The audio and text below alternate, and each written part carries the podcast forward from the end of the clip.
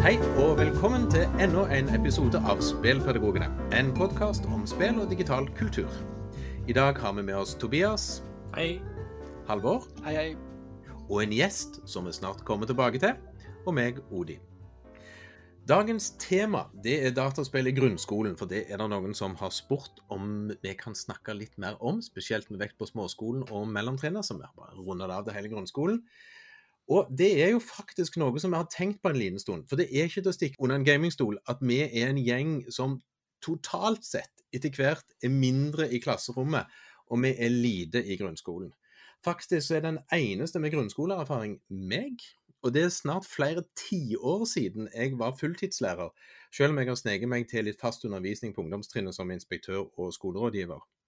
Halvor er, som Alexander, enda trofast sliter i klasserommet, men på videregående skole, mens Tobias og Ragnhild er i ferd med å stige opp i de høye akademiske ferder sammen med han Magnus.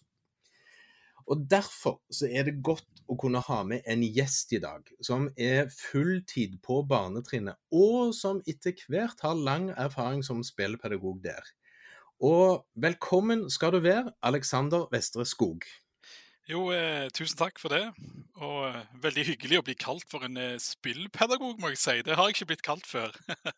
Nei, vi har, vi har, jo diskutert det tidligere og vel egentlig funnet ut at jo, vi eier jo ikke den tittelen. Og, og, det er jo nesten egentlig de som driver med dataspill i skolen, som har lov til å kalle seg spillpedagoger. Så, så vi, vi, inkluderer deg lett i den uh, sammenhengen der. Hyggelig. Men vi har jo ikke hatt deg her før, så det hadde vært litt kjekt om du kunne si litt om deg sjøl. Hvor holder du til henne, og hva du, holder du på med? Uh, ja, jeg uh, er fra Stavanger, men jeg bor i Bergen. Uh, og det var her jeg starta min karriere som lærer, da. Så her har jeg bodd og, og, jobbet siden 2014, så nå har jeg da vært lærer i seks år. Og alle de årene har da vært på en barneskole, da, på mellomtrinnet. Mm. Og du har brukt spill siden du før du begynte som lærer? Ja, altså jeg har jo eh, hatt en spesiell interesse for spill, vil jeg si, eh, hele veien. Eh, men det er jo etter jeg begynte i skolen, og spesielt når jeg skrev masteren, at jeg begynte å, å, å forstå at dette her er jo faktisk en, en stor nytteverdi i skole, skolesammenheng òg. Da må vi jo snike ut hva, hva master har du skrevet? Nei, jeg har jo skrevet om bruk av uh, dataspill i samfunnsfag. Har jeg sett litt ja. nærmere på, da. Ja. Mm. Det var spennende å høre, Alexander. Jeg, tr jeg, tror dette kan bli en interessant samtale om dataspill i skolen bitte litt seinere. For først så skal vi ta en kikk i godteposen vår over spill i skolen-ting som vi må si noe om før vi går videre til dagens tema, som er jo dataspill i grunnskolen. Og førstemann ut i godteposen, det er Halvor. Hva kjenner du nedi der? Eh, ja, nei, jeg, eh, der er det mye rart. Jeg eh, kan bare begynne med å si at det var veldig kult å høre den, den reisen som Aleksander hadde liksom inn i dataspill i skolen. Det, det, det, var så veldig gjenkjennelig, da. Så det, det ble kult. Men eh, i det siste, i, i godteposen, da, så eh, Det er jo en stund siden jeg har vært med på episoden eh, i Spillpedagogen her, men jeg har spilt litt jeg har spilt ett spill som, jeg, eh, som, sitter litt igjen, da, som heter What Never Was. Som er et uh, foreløpig sånn episodisk uh, novellespill av en svensk kar som heter Akke Hallgren. Uh, veldig kul, litt sånn puzzle-aktig sak, der du i den episoden som, er, som, som, finnes nå, som heter What Never Was, skal på en måte prøve å nøste litt i, i fortida. Det er veldig, veldig kult. Det kan anbefales. Og spesielt siden det òg er gratis, så er det veldig lett tilgjengelig. Så jeg har jo holdt på med et spill som jeg vet du, eh, Odin, har spilt gjennom. Du er superrask på de her spillene dine, det skal du ha. Uh, men Nuts, som da er ja, et, spill, et nytt spill fra Paul Clarisou, som vi har snakket om før her, fordi at han står bak uh, Orchids to Dusk, et sånt kort, uh, litt sånn speisa spill. Nuts jeg, jeg, Så langt jeg har spilt, da, så, så forstår jeg Nuts som et slags eh, Firewatch. Et, um, et spill om, om, natur og, og det å så Du skal på en måte ta bilde av ekorn som, som, er rundt om i skogen, og så skal, de, skal du lede dem fram til skal følge etter de fram til sånne ulike stæsj med nøtter som de har rundt forbi. Um, og, og, så langt er jeg kommet, og det skjer sikkert ting Odin, som du ikke får lov å spoile her i dag. Uh, men, men, det er veldig, veldig kult. Jeg skal, jeg skal, ikke, jeg skal ikke spoile, men jeg skal si litt at du må, du må sette opp kamera som filmer hva ja, ja. Det, altså områder i en skog. Du flytter litt rundt på forskjellige, i fjell, forskjellige skoger. Mm. Du skal filme ulike områder om natta, og så må du se tingene på dagen og, og prøve som du sier, å finne ut hva disse ekornene faktisk gjør. Det høres ut som tidenes dårligste spillkonsept, men, eh, men det er faktisk ganske ja, det, det, er tidenes nesten underligste spillkonsept. Og, og jeg, jeg, skal ikke skuffe deg med å si at det er en av tidenes underligste avslutninger på spill òg. Ja, men det, jeg, jeg, setter pris på sånt, altså. Så, ja, ja, ja. Det, jeg, jeg også. Så det er vel. Men det som er vel verdt å nevne, det er jo på en måte at uh, vår alles kjære Paul Clarisot, mm. hans bidrag er jo det visuelle uttrykket i spillet. Definitivt. Eh, og, og det i seg sjøl, sammen med lyddesignet, er nesten verdt å ha bare spilt spillet for. Ja. Uh, det, med veldig sånn begrensa fargepalett, egentlig, så klarer de å skape en veldig god stemning av disse skogsbildene som de da faktisk mm. springer rundt i. Så det er ja, et, spe et spennende spill. Jeg hadde jo håpet jeg skal innrømme med den innledningen med godtepose at der fant du nøtter, men OK. Ah. jeg, gjør som, eh, jeg gjør som man gjør i, i en del uh, nasjonalforsamlinger. I yield my time eh, til Tobias. For jeg tenker du har spennende ting å si. Ja. Nei, jeg, jeg vet, ikke, vet, ikke, hvor ofte jeg har nevnt det i denne podkasten, men jeg, har, jeg, får ikke spilt så mye for tida. Det skjønnes en liten kar på nå snart fire måneder. Eh, ja, litt, med litt spilling har det jo blitt. Eh, stort sett så er det fortsatt Monster Hunter World med kompiser når jeg får ei ledig stund. Eh, men um, jeg hadde noen dager for meg sjøl her i Bergen mens kona mi fortsatt var hos svigermor. Og Da gikk jeg til, rett og slett til innkjøp av This War of Mine-brettspillet. Og det er altså den mest trofaste oversettelsen for et, spilloversettelsen fra ett format til et annet jeg no, noen gang har vært borti. Det er de har tatt og så å si alle mekanikkene fra um, PC-spillet og oversatt det til brettspill, brettspillform på en utrolig vellykka måte. Um, kjapt fortalt, fordi Vi snakker jo nokså ofte om This War of Mine, men om det er noen lyttere som ikke er helt klar over hva det er, så er det altså um, Sims bare at du styrer og sivile i en, bele, i en beleira by. Mm. Godt fortalt. Um, og, og, og, du har liksom akkurat samme tverrsnitt av det bygden, bygg, bygningen du søker dekning i i spillet. Du har disse stedene du kan besøke, og du har samme mekanikken. Det gjelder å bygge eh, regnvannssamlere og senger og alt andre her. Men det som gjør, jeg gjør, hever spillet et par hakk, og som gjør at jeg foretrekker dette over um, PC-versjonen, er at uh, når du besøker disse forskjellige stedene der du skal samle ressurser og sånne ting, så hender det titt og ofte at du er nødt til å slå opp i ei forholdsvis tjukk bok med tusen og noe sånne små tekstavsnitt som eksponerer deg for altså det som introduserer deg for en kort liten fortelling.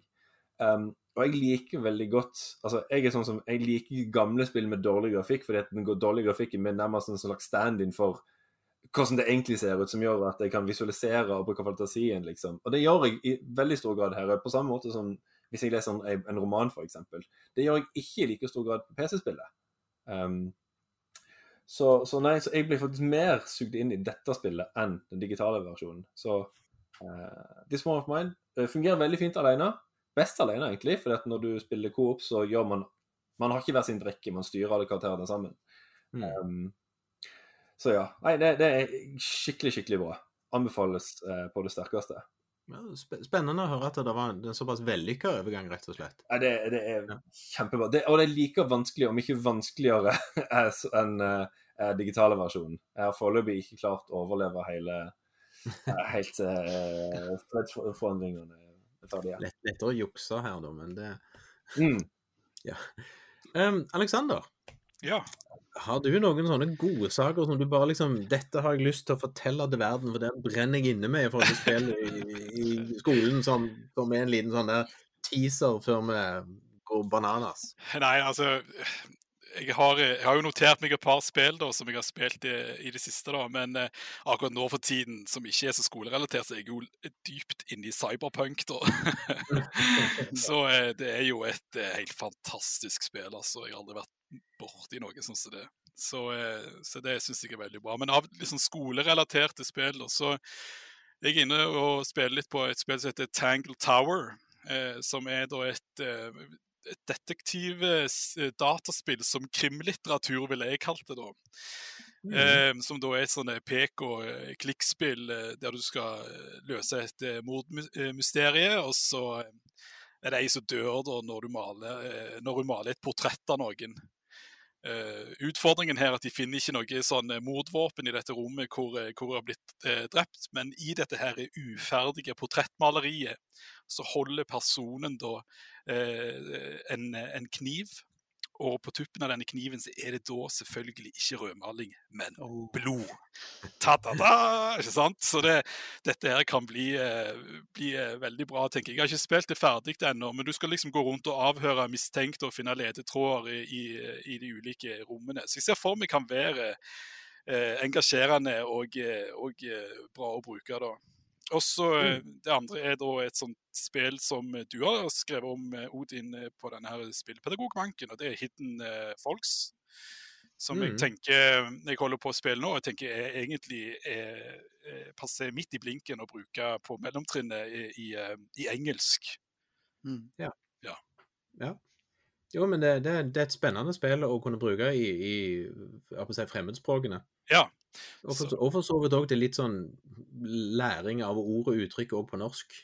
Ja da, jeg har, jeg har, prøvd begge deler nå. og Det er jo et sånt eh, Finn Willy eller Where's Waldo-type uh, spill. da, Men det er litt som, de, jeg liker veldig godt disse her ledetrådene du får når du klikker på de personene du skal finne.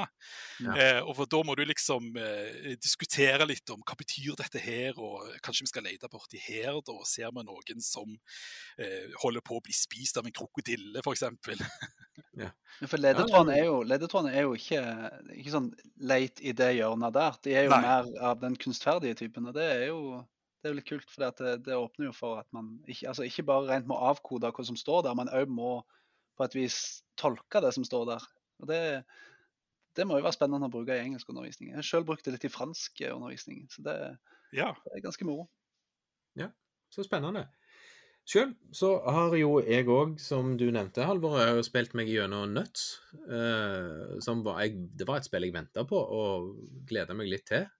Og det, det, det skuffet ikke, men det var akkurat hakket særere enn jeg hadde regnet med mot slutten.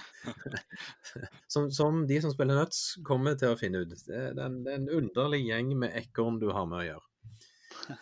Um, men det som jeg har Jeg er jo litt som du òg da faktisk nevnte, Aleksander. Jeg er jo alltid nå sånn på hysterisk jakt etter gode spill til å skrive om i Spillpedagogbanken. Det skal jeg ikke stikke under stol, så jeg har en tendens til å prøve masse spill. Og et spill som jeg ble ferdig med i går til å spille gjennom, det var et spill som er fra min etter hvert favorittutgiver, Annapurna. Eh, jeg har foreløpig de har bare gitt ut bra spill. Uh, så jeg, jeg, pleier å fylle de, og et som de ga ut som jeg visste fint lite om, det er et spill som heter If Found. Eh, som er et spill til Windows og, og, og Switch, eh, og jeg ville anbefalt det på Switch. Og det er rett og slett en dagbok som du finner.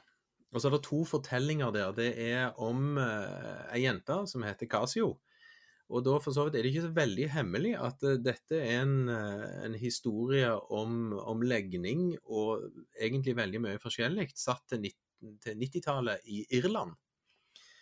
Uh, og så er det en parallellfortelling litt fram i tid om en astronaut som finner et sort hull som kommer og skal ødelegge jorda, og som nok er, får en veldig sånn overført betydning i forhold til den andre historien som foregår. Og det som er litt spesielt, er at denne dagboken som du har funnet, som hele fortellingen blir fortalt i, den handler om at du skal viske ut alt i dagboken. Eh, så etter hvert som fortellingen går framover, så ødelegger du det som står i dagboken.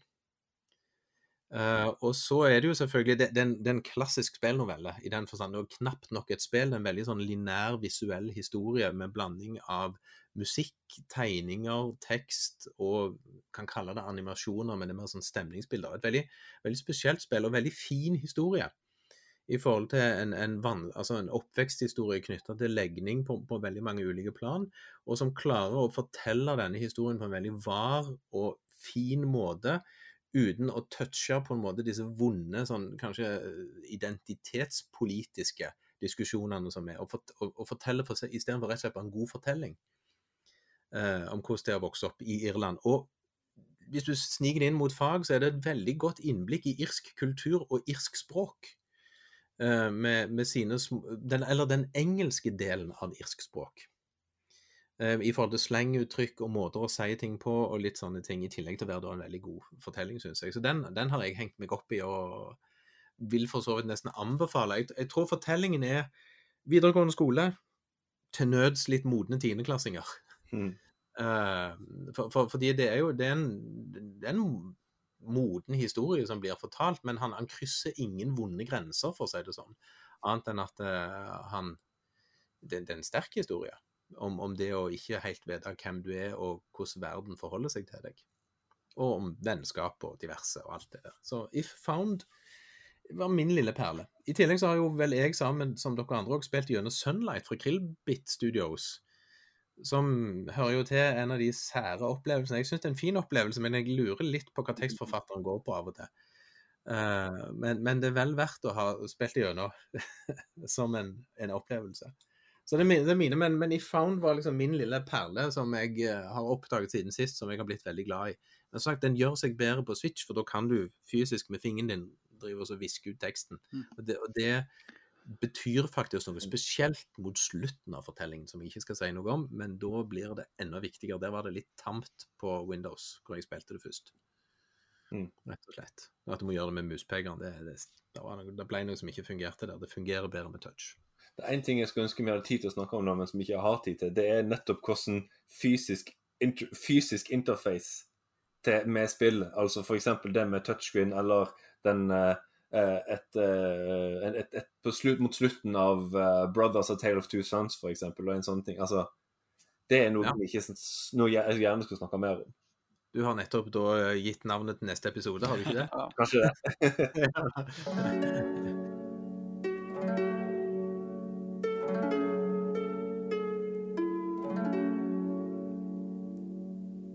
Men nå Ja.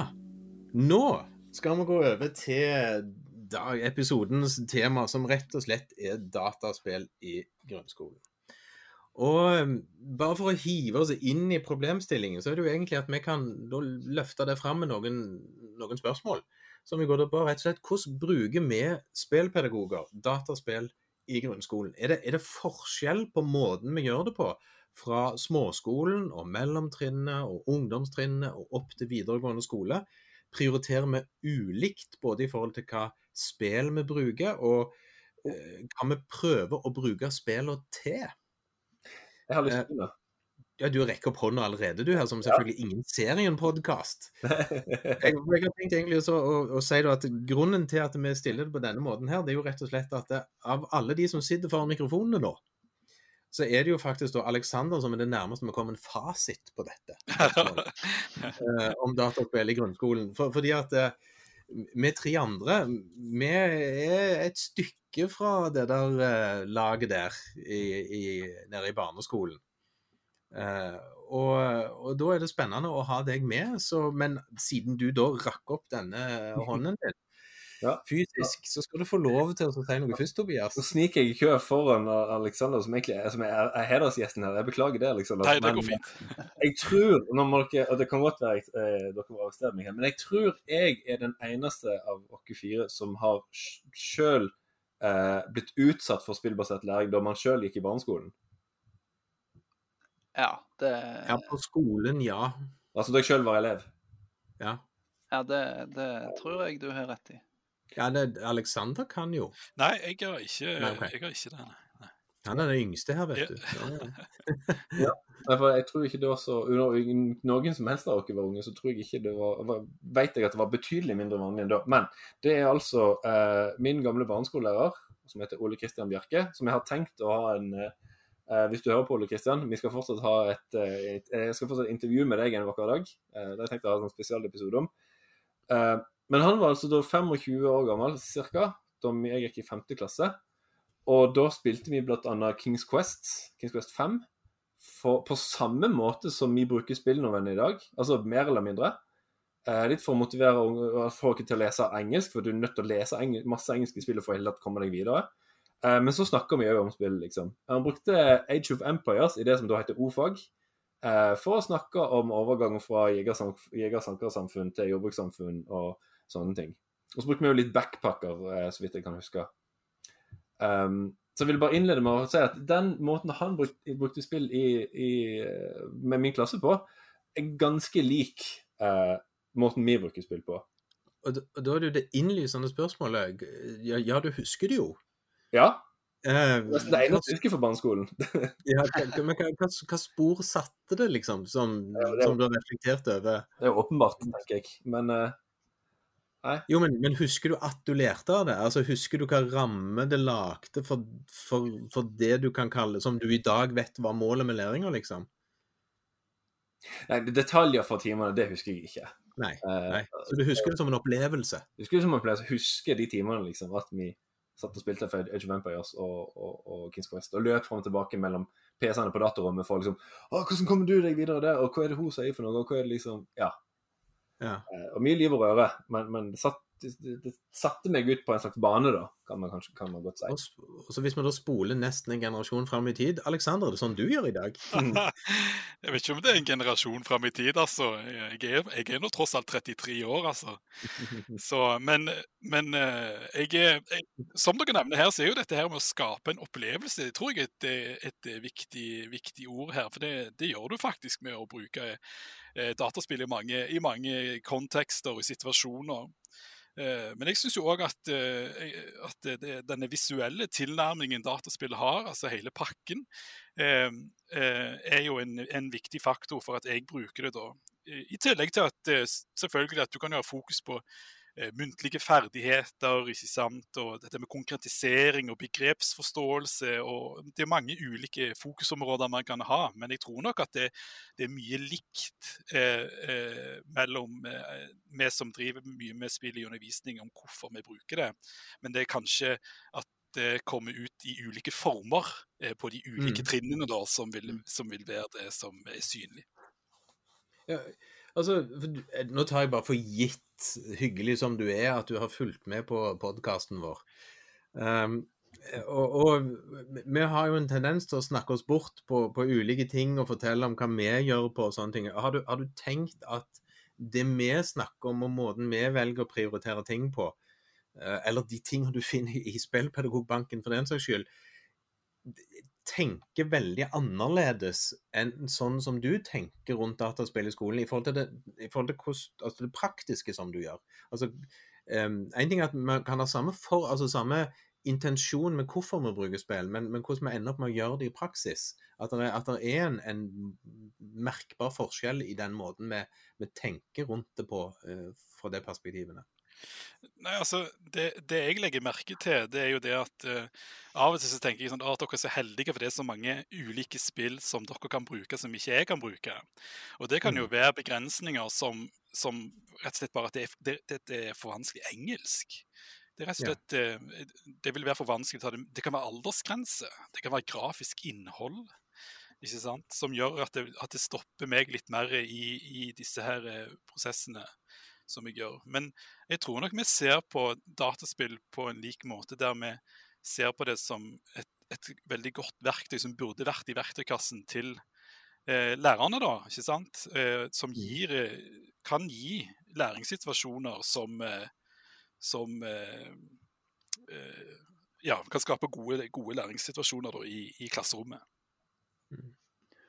Men um, det syns jeg er litt interessant at du sier dette med, med altså, engelsk, nivået på engelsken f.eks. som en sånn begrensning for hva en kan gjøre i, i barneskolen. Eh, det første jeg tenkte på når vi skulle snakke om spill i grunnskolen, var sånn, hva slags tilpasninger må man gjøre med de spillene som funker bra i undervisning, for å få de til å funke i, i grunnskolen. da.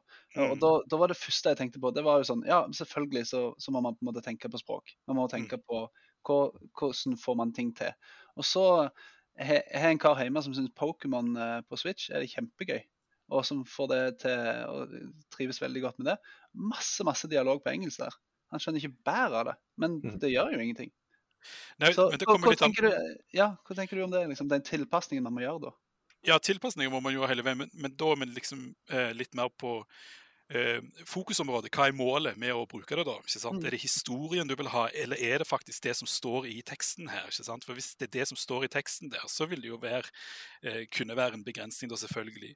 Men jeg syns jo f.eks. sånn Keep Talking and Nobody Explodes er et godt eksempel eh, eh, på det. for at eh, der ser jeg at det fungerer utrolig godt eh, eh, med den norske manualen eh, i femte og sjette trinn, men eh, på syvende trinn så kan du begynne å ta inn den engelske litt mer. da. Eh, så der ser du liksom at den tilpasningen skjer der, men at spillet i seg sjøl kan fungere godt i ulike trinn, Mm. men med disse her tilpasningene, da.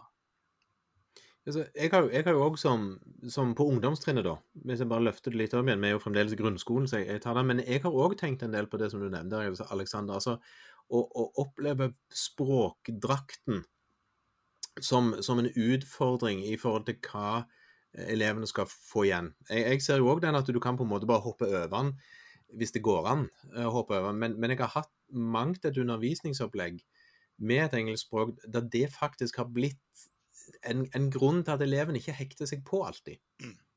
Uh, og ikke, ikke det at de ikke kunne hatt opplevelsen, men, men de har sjøl en idé om at dette er viktig. Uh, at det er på engelsk de må få det med seg.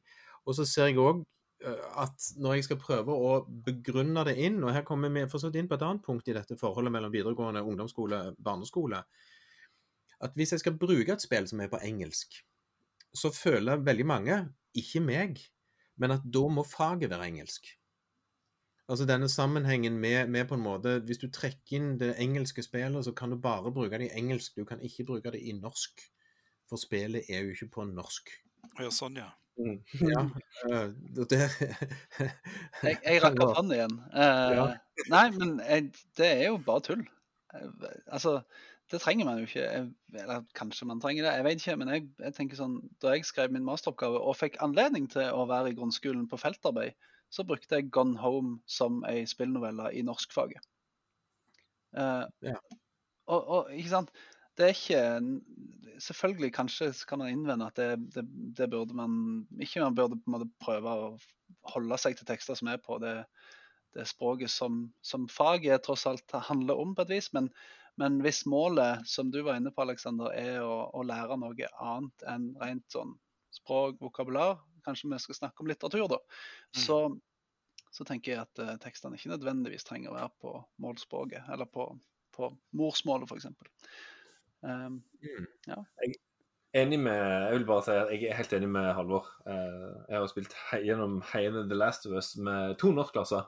Eh, Det er riktignok tekster på norsk, eh, men spillet, talen er jo fortsatt på engelsk. Men der var det den litterære samtalen som var målet. Da er det Ja. ett fett hva slags Jo, jo, og det, og det det er derfor jeg sier jeg tror alle vi fire som er her, tenker sånn. Mm. Eh, Men, men, jeg, men jeg ser av og til når jeg prøver å snakke om det for for, overfor lærere, om at med en gang du kommer med det engelske spillet, så skal du ha en litt over, litt over gjennomsnittet interessert norsklærer. Ja. For å, å selge det inn som at de skal bruke mye tid i norsk på elever som strever med å forstå engelsk. Ja, og det er for så vidt en helt legitim og viktig innvending. Ja, ja. Um, Men jeg, jeg har lyst til å Nå forestiller jeg meg at det er kanskje noen lyttere som sitter og verker litt etter, etter liksom, ok, men hva slags spill kan jeg bruke i barneskolen? Så jeg lurer litt på, liksom, hva, har du noen eh, Hva er, du pleier, hva er liksom dine beste partytriks, holdt jeg på å si? det, altså, det kommer jo helt an på hva, hva du har lyst til å, å, eh, å, bruke dataspill til, da. Men jeg, jeg pleier som regel å synes at uh, Spleiselag i byen er en veldig fin inngangsport og, eh, til de som er litt nysgjerrige med, eh, med å bruke spill i, i, undervisningen. Og Der kan det faktisk være en så enkelt grunn òg for at det er et nettleserbasert spill, så du bare kan starte med én gang. Og, og, det skal vi jo ikke se bort ifra. Eh, altså Det kan jo være en hindring, det med å bare å få spill inn i, i eh, i programvarekatalogen. ikke sant? Så Hvis du kan si at det er nettleserbasert, men så er det òg så er det òg eh, veldig tilpasningsdyktig det spillet. For det, eh, det er jo egentlig lagd for ungdomstrinnet, dette her. Men eh, jeg har brukt det på femte trinn, og så har jeg heller hatt det som eh, diskusjonsoppgave ettertid, som jeg har tilpassa mer som hva er viktige funksjoner i samfunnet. Og For de som ikke vet hva, hva dette her eh, spillet er, da, så kan jeg jo bare kort fortelle at du skal være borgermester i din egen by. Og så skal du da gjennom tre valg eh, der du skal styre økonomien, du skal passe på å bygge politistasjoner og ja, til og med fotballbane ikke sant? og, og brannstasjon. Og så skal du vedlikeholde, du skal lage arbeidsplasser, du skal bygge eh, hus og osv. osv. Så, videre, så det spillet eh, eh er jo faktisk mm, det eneste spillet som faktisk er lagd for læring, tror jeg, som jeg bruker. Eh, jeg husker ikke helt hvem som står, eh, står bak spillet, men jeg vet i hvert fall LO har, en, eh, har noe her å si, tror jeg. Jeg vet ikke om dere andre husker det? Google som gal. Ja, men det er i hvert fall et, et veldig bra spill der jeg, der jeg har latt elevene eh, sitte mye to og to og diskutere underveis valgene de gjør. Hvorfor mm. flytter det mange folk inn i byen min nå? Hvordan er det man faktisk eh, tjener penger i en by? Og Da finner man fort ut at eh, eh, skatt, det er en god ting. jo, mer, jo, mer, folk som flytter inn i byen min, jo mer skattepenger får jeg, jo mer penger får jeg til å innfri disse valgløftene som du er nødt til å gjøre underveis. Mm. Og, og, det er ganske interessant, for at du får, eh, du får etter jeg tror det etter første eller andre valgperiode så får du faktisk muligheten til å skru opp skatten. og du får mulighet til å skru opp momsen.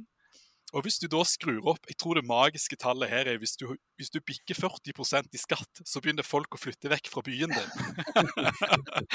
så her, her, kan du ha en god diskusjon om, eh, om, om, om, eh, hvor mye er folk villige til å betale. da. Mm. Så, så, kan vi jo ha en sånn utfordring til lyttere at hvis de bor i Bærum og prøver dette spillet her, og ser hvordan elevene oppfører seg da, eller hvis de da bor et eller annet sted uh, mer oppe på Vestlandet, om hvordan de oppfører seg der uh, når de spiller dette spillet, hva de syns er OK og sånne ting. Ja. ja.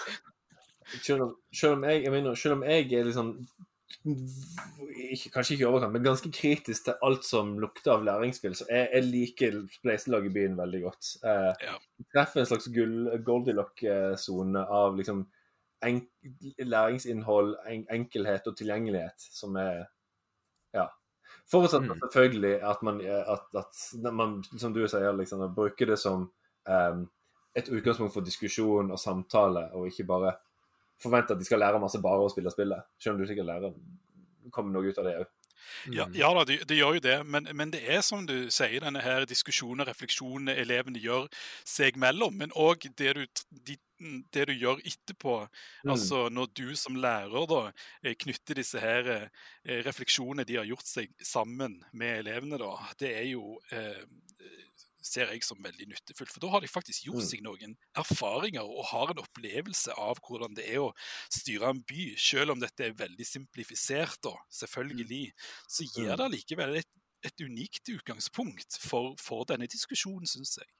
Mm. Men, men hvordan, er, hvordan, er, mekanikken i spillet? Jeg har tidligere vært litt sånn kritisk til et annet veldig lignende spill som heter Snasen. Som er oh, ja.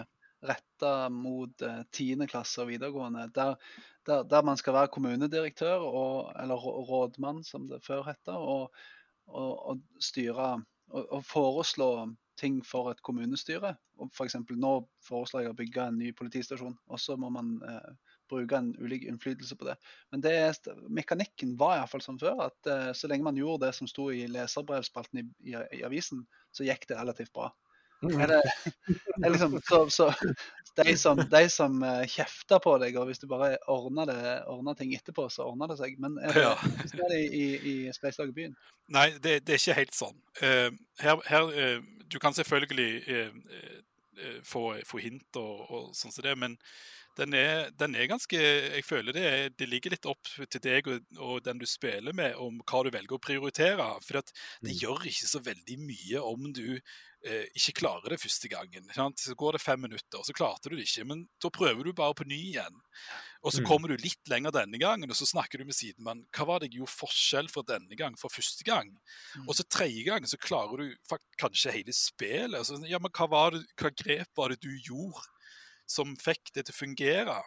Og, og da er det jo ikke helt sånn som det første spillet du nevner her, da. Det legger jo det egentlig litt mer opp til at du kan faktisk få erfare dette her litt, da. Mm. Og jeg, altså, for, for egen del, jeg har ikke brukt Spleiselaget byen i undervisning. Uh, jeg har liksom oppfatta det for som litt for barneskoleaktig i forhold til ungdomsskole, men det, jeg har sett gjennom det, og jeg, jeg er enig med deg, Aleksander.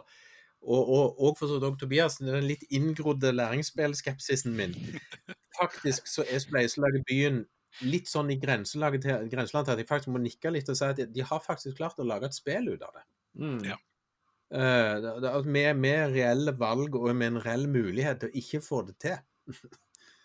Eh, så, så, jeg, og, jeg syns det, det, det er et spennende utgangspunkt. Men hvis, hvis du da, Aleksander, skal ta på deg den litt spinnvidle, for store spillepedagoghatten, hva, hva spill er det du drar i gang i klassen din som, som du på en måte tar sjansen på at jeg håper dette går bra? Eh, Nei, altså, jeg har egentlig ikke eh, eh, eh, dratt inn noen spill der jeg tenker at dette skal gå dårlig, da.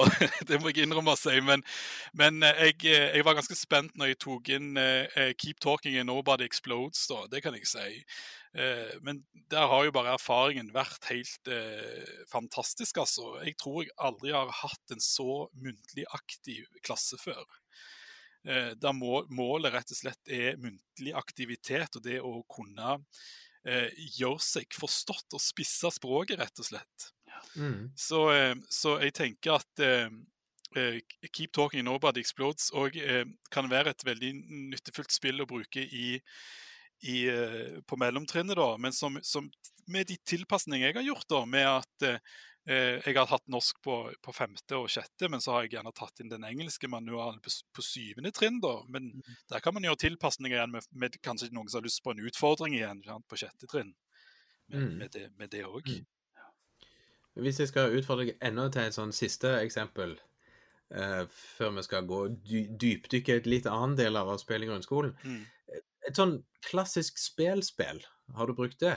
Altså som, som Bortsett fra Keep Talking, som, som er litt sånn partyspill, men Uh, altså det som en person ville gjenkjent som et litt sånn ordinært spill. Ja, det, det er Minecraft.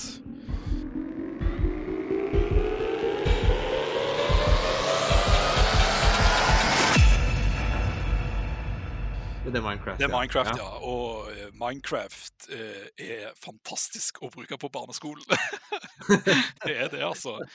Det er, det er veldig det, det er noe som gjerne mange, mange skoler har eh, lisenser på allerede, ikke sant? Eller har muligheten til å få lisenser på. Mm. Og bare, bare for å spørre kort, da, før vi slipper alle løs her. Um, hva, hva Hvordan bruker du det når du syns det fungerer godt? Nei, det er litt uh, ulikt. Eh, Jeg har brukt det både som uh, konkretis konkretisering i matematikk, uh, der vi gjerne har jobbet med brøk og, i Minecraft. Eh, det kan òg være at vi har jobbet med posisjonssystemet eller areal eller lignende. Eh, men jeg har òg brukt det i samfunnsfag, der jeg har valgt å bruke det som en presentasjonsform for å variere på måten elevene kan presentere ting på.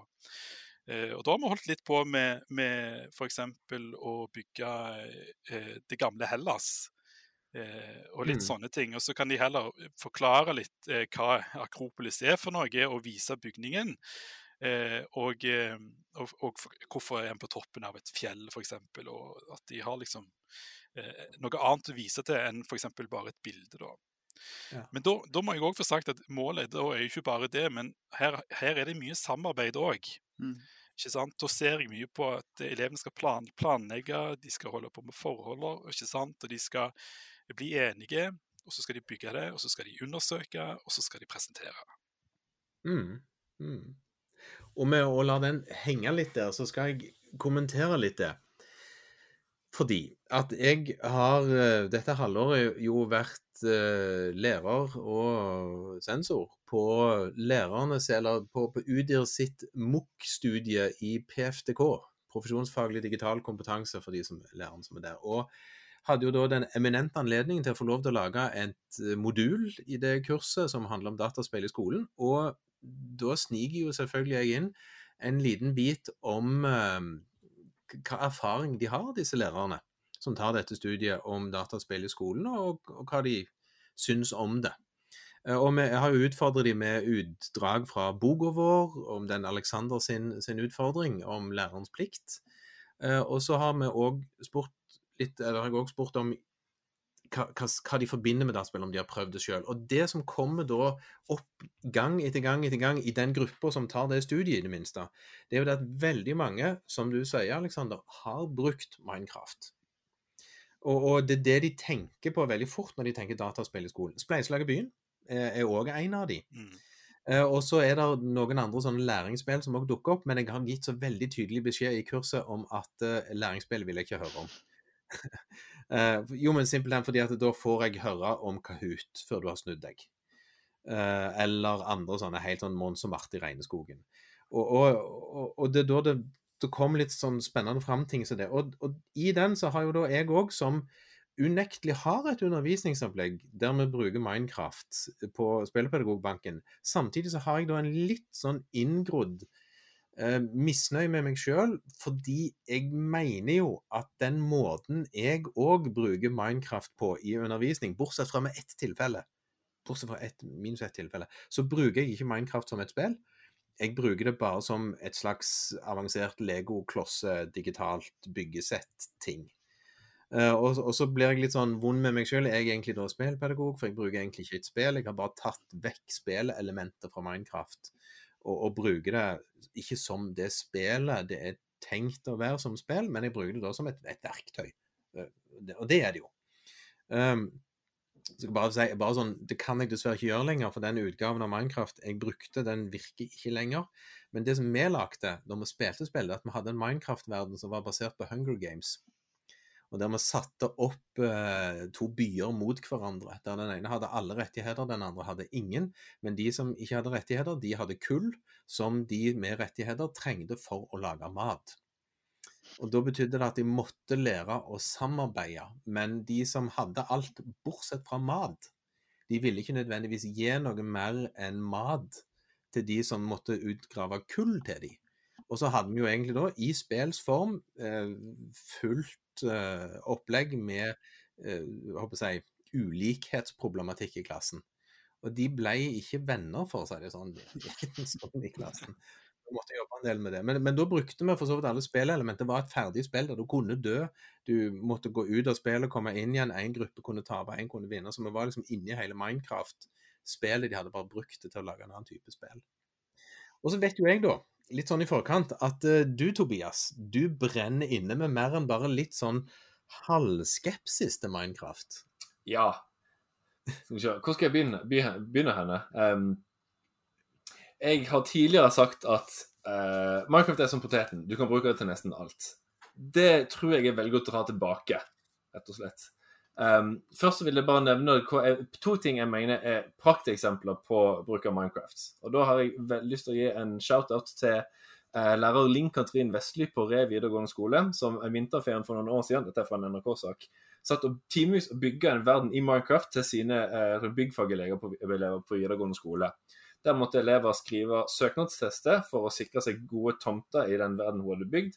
De måtte plan tegne plantegninger til byggene de skulle bygge, og de måtte regne ut materialkostnadene og materialkravene til liksom, det bygget de skulle bygge, før de helt gikk an å bygge. Grunnen til at jeg liker det så godt, at du får knytta inn ganske mange ferdigheter inn i et veldig sånn målretta, konkret Minecraft-opplegg. Eh, der det har et veldig tydelig faglig fokus. Det andre er et opplegg eh, fra en eh, forskningsartikkel skrevet av eh, en som heter Erik Ottar Jensen og veilederen hans Torkil Hangøy. Eh, der de eh, lær, bruker Minecraft for å lære elevene 3D-koordinatsystem. Som de innså at, eh, fordi at de innså at elevene sleit med å finne hverandre i, i multiplayer. Og så oppdager jeg at vent litt, du kan slå på det her med 3D-koordinatene. Og så eh, funker det her over all forventning. Altså Elevene sa at oi, det her er første gang jeg har faktisk lært noe i matte. Og de brukte det her aktivt på fritida si som et verktøy, liksom. Så det er litt sånn peak eh, Minecraft i skolen-greia. Det jeg derimot er litt skeptisk til, er prosjekter som Jeg tar et eksempel. Jeg har stalka eh, Facebook-gruppa Minecraft i skolen de siste dagene, bare for å på en måte eh, sørge for at jeg har litt peiling på hva jeg snakker om. Um, og det jeg ser er veldig mye spørsmål om tekniske problemer. Hvordan får jeg til det? Og de disconnecter og de liksom. Det andre spørsmålet jeg ser ofte, er kostnader. Hva koster dette her? Eh, og det tredje, og det tredje, ting er Jeg så et opplegg en gang fra religion, tror jeg det var. Eh, kristen religion og livssyn. Det var en oppgave der man skulle enten eh, tegne en moské bygge en moské i Minecraft, eller skrive en, en informerende artikkel om hvordan en moské er bygd opp, og gjøre rede for eh, rommene der. Det er, jeg er ingen tvil om at den oppgaven om å skrive en artikkel er den beste oppgaven, og den de lærer mest av. Jeg er skeptisk til hvor mye tid man bruker på å bygge eh, som ikke går til faglige aktiviteter, hvis dere forstår meg riktig. Um, jeg er ikke den eneste som er skeptisk til dette. Um, det var en som heter Tom Bennett, som er blant annet lærer og forfatter og har vært rådgiver for uh, britiske, britiske, myndigheter, som uttrykte en skepsis til det han kalte for gimmick-bruk av Minecraft i skolen. Uh, og fikk masse kjeft liksom, av alt mulig slags folk. og Hvordan kan han våge å liksom, påstå noe sånt? Men han skriver da på bloggen sin This matters. This really matters because I'm used to teaching students who don't get a second chance at education, who rely on education as their lifeline into alternate futures, into literacy, jobs and opportunities. I take that seriously. Så det jeg ønsker, og det jeg egentlig ikke så så mye av i den Minecraft i skolen-gruppa, er mer kritisk deliberasjon om er bruk av Minecraft den mest effektive og fornuftige bruken av elevenes tid. Tid de tross alt ikke får igjen. Sånn brannfakkel slash fyrstikk. Alt dette som Jeg trenger si to ting til det. og Det ene er at jeg sitter i verdens største glasshus, for jeg brukte 15 timer på å spille gjennom The Last of Us. Uh, og det andre er at uh, jeg, si, jeg, er jo selvfølgelig enig i det at um, ikke alt trenger å være alt trenger å være på jakt etter læringsmål og jakt etter effektiv undervisning. Um, så som sagt, jeg, jeg, Det er en retorisk eh, posisjon som ikke nødvendigvis representerer den jeg egentlig er. Men jeg syns konstruktiv uenighet kan være interessant. Eh, så Det er derfor jeg inntar denne litt sånn sinna gammel rektorposisjonen. Det er jo litt sånn, det er jo litt farlig å begynne den, den, den, det resonnementet med OK, så lenge vi bruker mye tid på noe, så bør vi tenke oss veldig godt om, ja. Fordi det tar fort mye tid med å spille i skolen uansett hva vi holder på med. Men tenk, her, her driver vi og inviterer folk på, på podkasten som vil snakke om Minecraft, og så kommer det bakholdsangrepet! Nei, du, jeg, jeg, tror jeg var litt forberedt eh, på det. Men jeg tenker jo òg at eh, det er jo eh, nyanser her, ikke sant. Uh, har, har, du bare fokus på det, eller har du fokus på flere ting òg, ikke sant? Er det, mm. er det, bare det som er, er, er, målet ditt, eller er det liksom andre ting her som spiller inn òg? Og jeg, jeg, tenker jo at sånn så variasjon eh, er òg et viktig begrep her. Eh, som kan, som kan gjøre at eh, undervisningen blir, blir mer interessant òg. Så mm. jeg, jeg, bruker Minecraft der jeg ser det er hensiktsmessig, og der jeg tenker at det er et veldig godt verktøy å bruke. Og, og, og ha gode, gode erfaring med det på, på barneskolen. Det har jeg. Mm. mm. Tror, tror, du at, um, tror, du at, elevene vil sitte igjen og huske det, som Tobias husker sin ja, barneskole. Jeg bare veldig kjapt å si Det var ikke meninga å uh, ligge i bakgrunnen på Aleksander uh, her. Altså det er sagt. Og jeg er selvfølgelig enig i dette med variasjon osv. Ja, nettopp. nettopp. Og kanskje det er den opplevelsen uh, med, i klasserommet til Aleksander som elevene sitter igjen med når de er, ja, sitter, er ute i arbeidslivet og gjør helt andre ting. At, at den gangen de bygde en moské i i Minecraft. Jeg vet ikke om det er det du bruker det til i det hele tatt, men uh... Nei, det er ikke, det er ikke, jeg har ikke gjort akkurat, uh, akkurat det, da. Men, Men jeg, men jeg, setter veldig pris på denne her diskusjonen og refleksjonen elevene gjør seg underveis òg, når de bruker spill i undervisningen. Og eh, den, det er noe spesielt der når, når vi setter i gang eh, sånne typer prosjekter òg, der de liksom eh, lærer seg eh, dette her med å lytte til hverandre sine ideer. Det med å prøve de ut, faktisk, ikke sant? Og, og gjøre seg en erfaring med at uh, dette her fungerte faktisk. For, for andre elever så har, har, jeg hatt opplevelser med at det, det er først når jeg tar, uh, eh tar har om brøk i Minecraft, at de ser at, at dette her er jo faktisk en, en tredjedel òg, selv om jeg har brukt flere blokker enn én enn en, en bare én, da, ikke sant. Så, så, så jeg syns at syns at det på mange, mange måter er, er, er, ganske bra å, eh, å, å bruke. da. Mm. Mm. mm. Det, det, som, det, som, er spennende å høre når du, når du, snakker nå, Alexander, så er det jo konsekvent om at du nesten ikke snakker om spillet. Mm. Ja, ja, men det, det er liksom ja. Og nå, nå tenker jeg, Det gjelder både spleiselaget, Keep Talking og Minecraft. at, at Jeg hører jo, og, og det er for så vidt det vi snakker jo mye om òg ellers, at du er jo allerede der at spillet er egentlig bare det pedagogiske verktøyet som, som foregår litt på siden uh, av det som du som lærer har som det gjennomtenkte mål om hva du ønsker.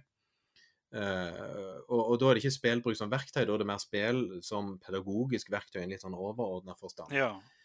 Uh, men det, det, som jeg har lyst til å ta inn som en sånn, et siste spørsmål til deg som på grunnskolen, mm. og i barneskolen, det er hva, hva er det som jeg, spillpedagoger har snakket en del om opp gjennom tidene, hva er det du ser på, på ditt sted at er liksom de største hindringene for å få til mer og god og interessant bruk av dataspill i undervisningen, sånn, sånn fra ditt ståsted?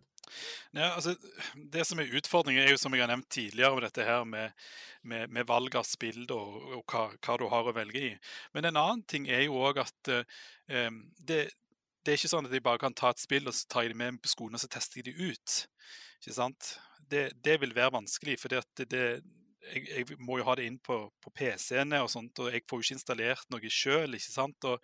For å få det inn på den veien, så koster det penger. ikke sant? Og du skal være mm. rimelig sikker når du, når du går og spør om du kan, eh, kan eh, bruke, bruke, dette her, og om du kan få lov til å kjøpe lisenser og, og, lignende. Men nå har jeg heldigvis en veldig positiv eh, ledelse på, på skolen da, som, som, ofte sier ja til dette her. Men, men hadde, hadde, jeg kunne ønske meg da at det hadde vært litt enklere å, å, å teste det ut eh, eh i undervisningen.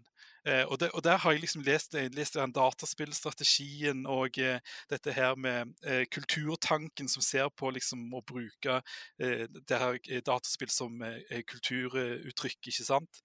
Og Der ser jeg at de, de Eh, de undersøker jo litt sånn dette her med, med, lisenser, og hvordan de kan, om, om de kan liksom bruke biblioteket sine eh, innkjøps... Eh, det skulle vært noe felles der for oss som i skolen har lyst til å bruke dette, her, som gir oss en mulighet til, at, til, til at, at, du kan bruke denne portalen her, på en mm. måte.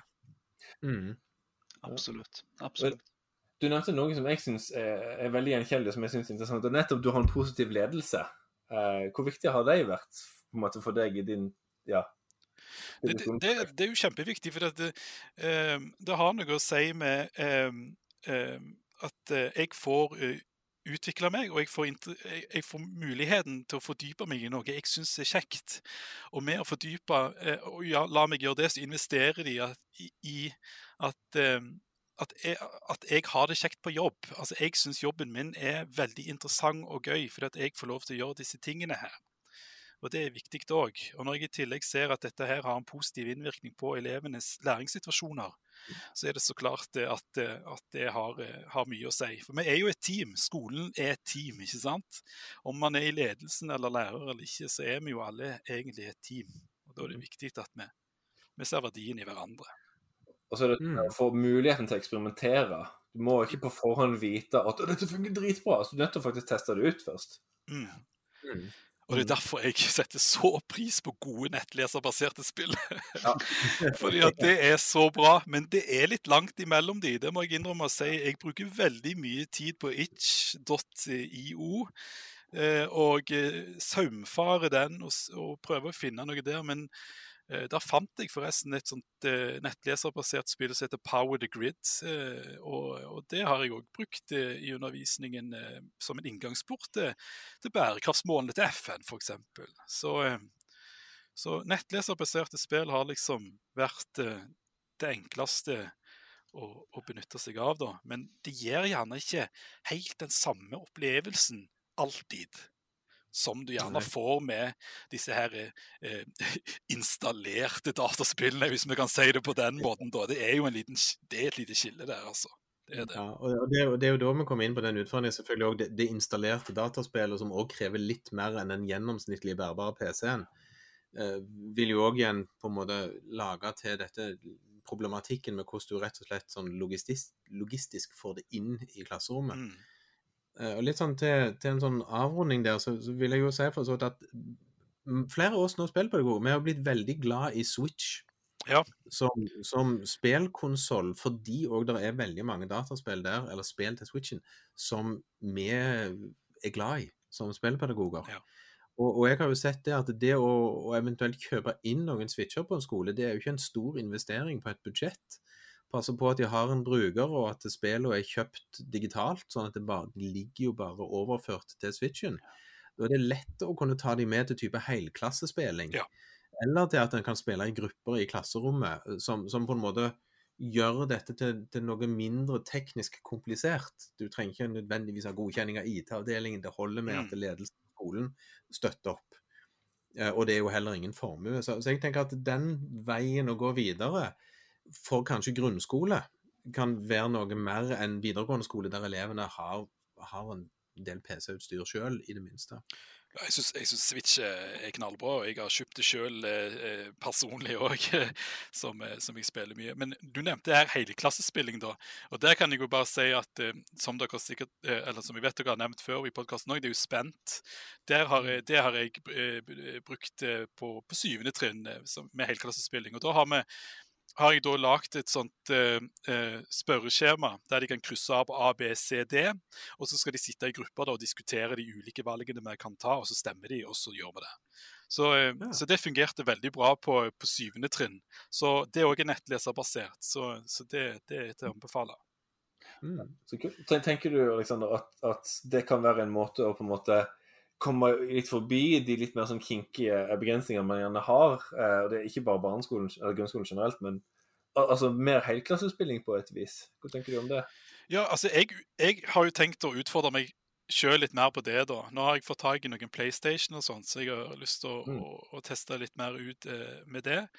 Men jeg tenker at hvis det sitter noen her og hører på som har lyst til å teste noe ut, så vil jeg, så vil jeg anbefale et av disse her eh, nettleserbaserte spillene først. Men jeg vil òg at, at man skal tenke at det kan det, det er ikke alltid det gir samme opplevelsen som du gjerne ville fått med, med, med disse her andre spillene.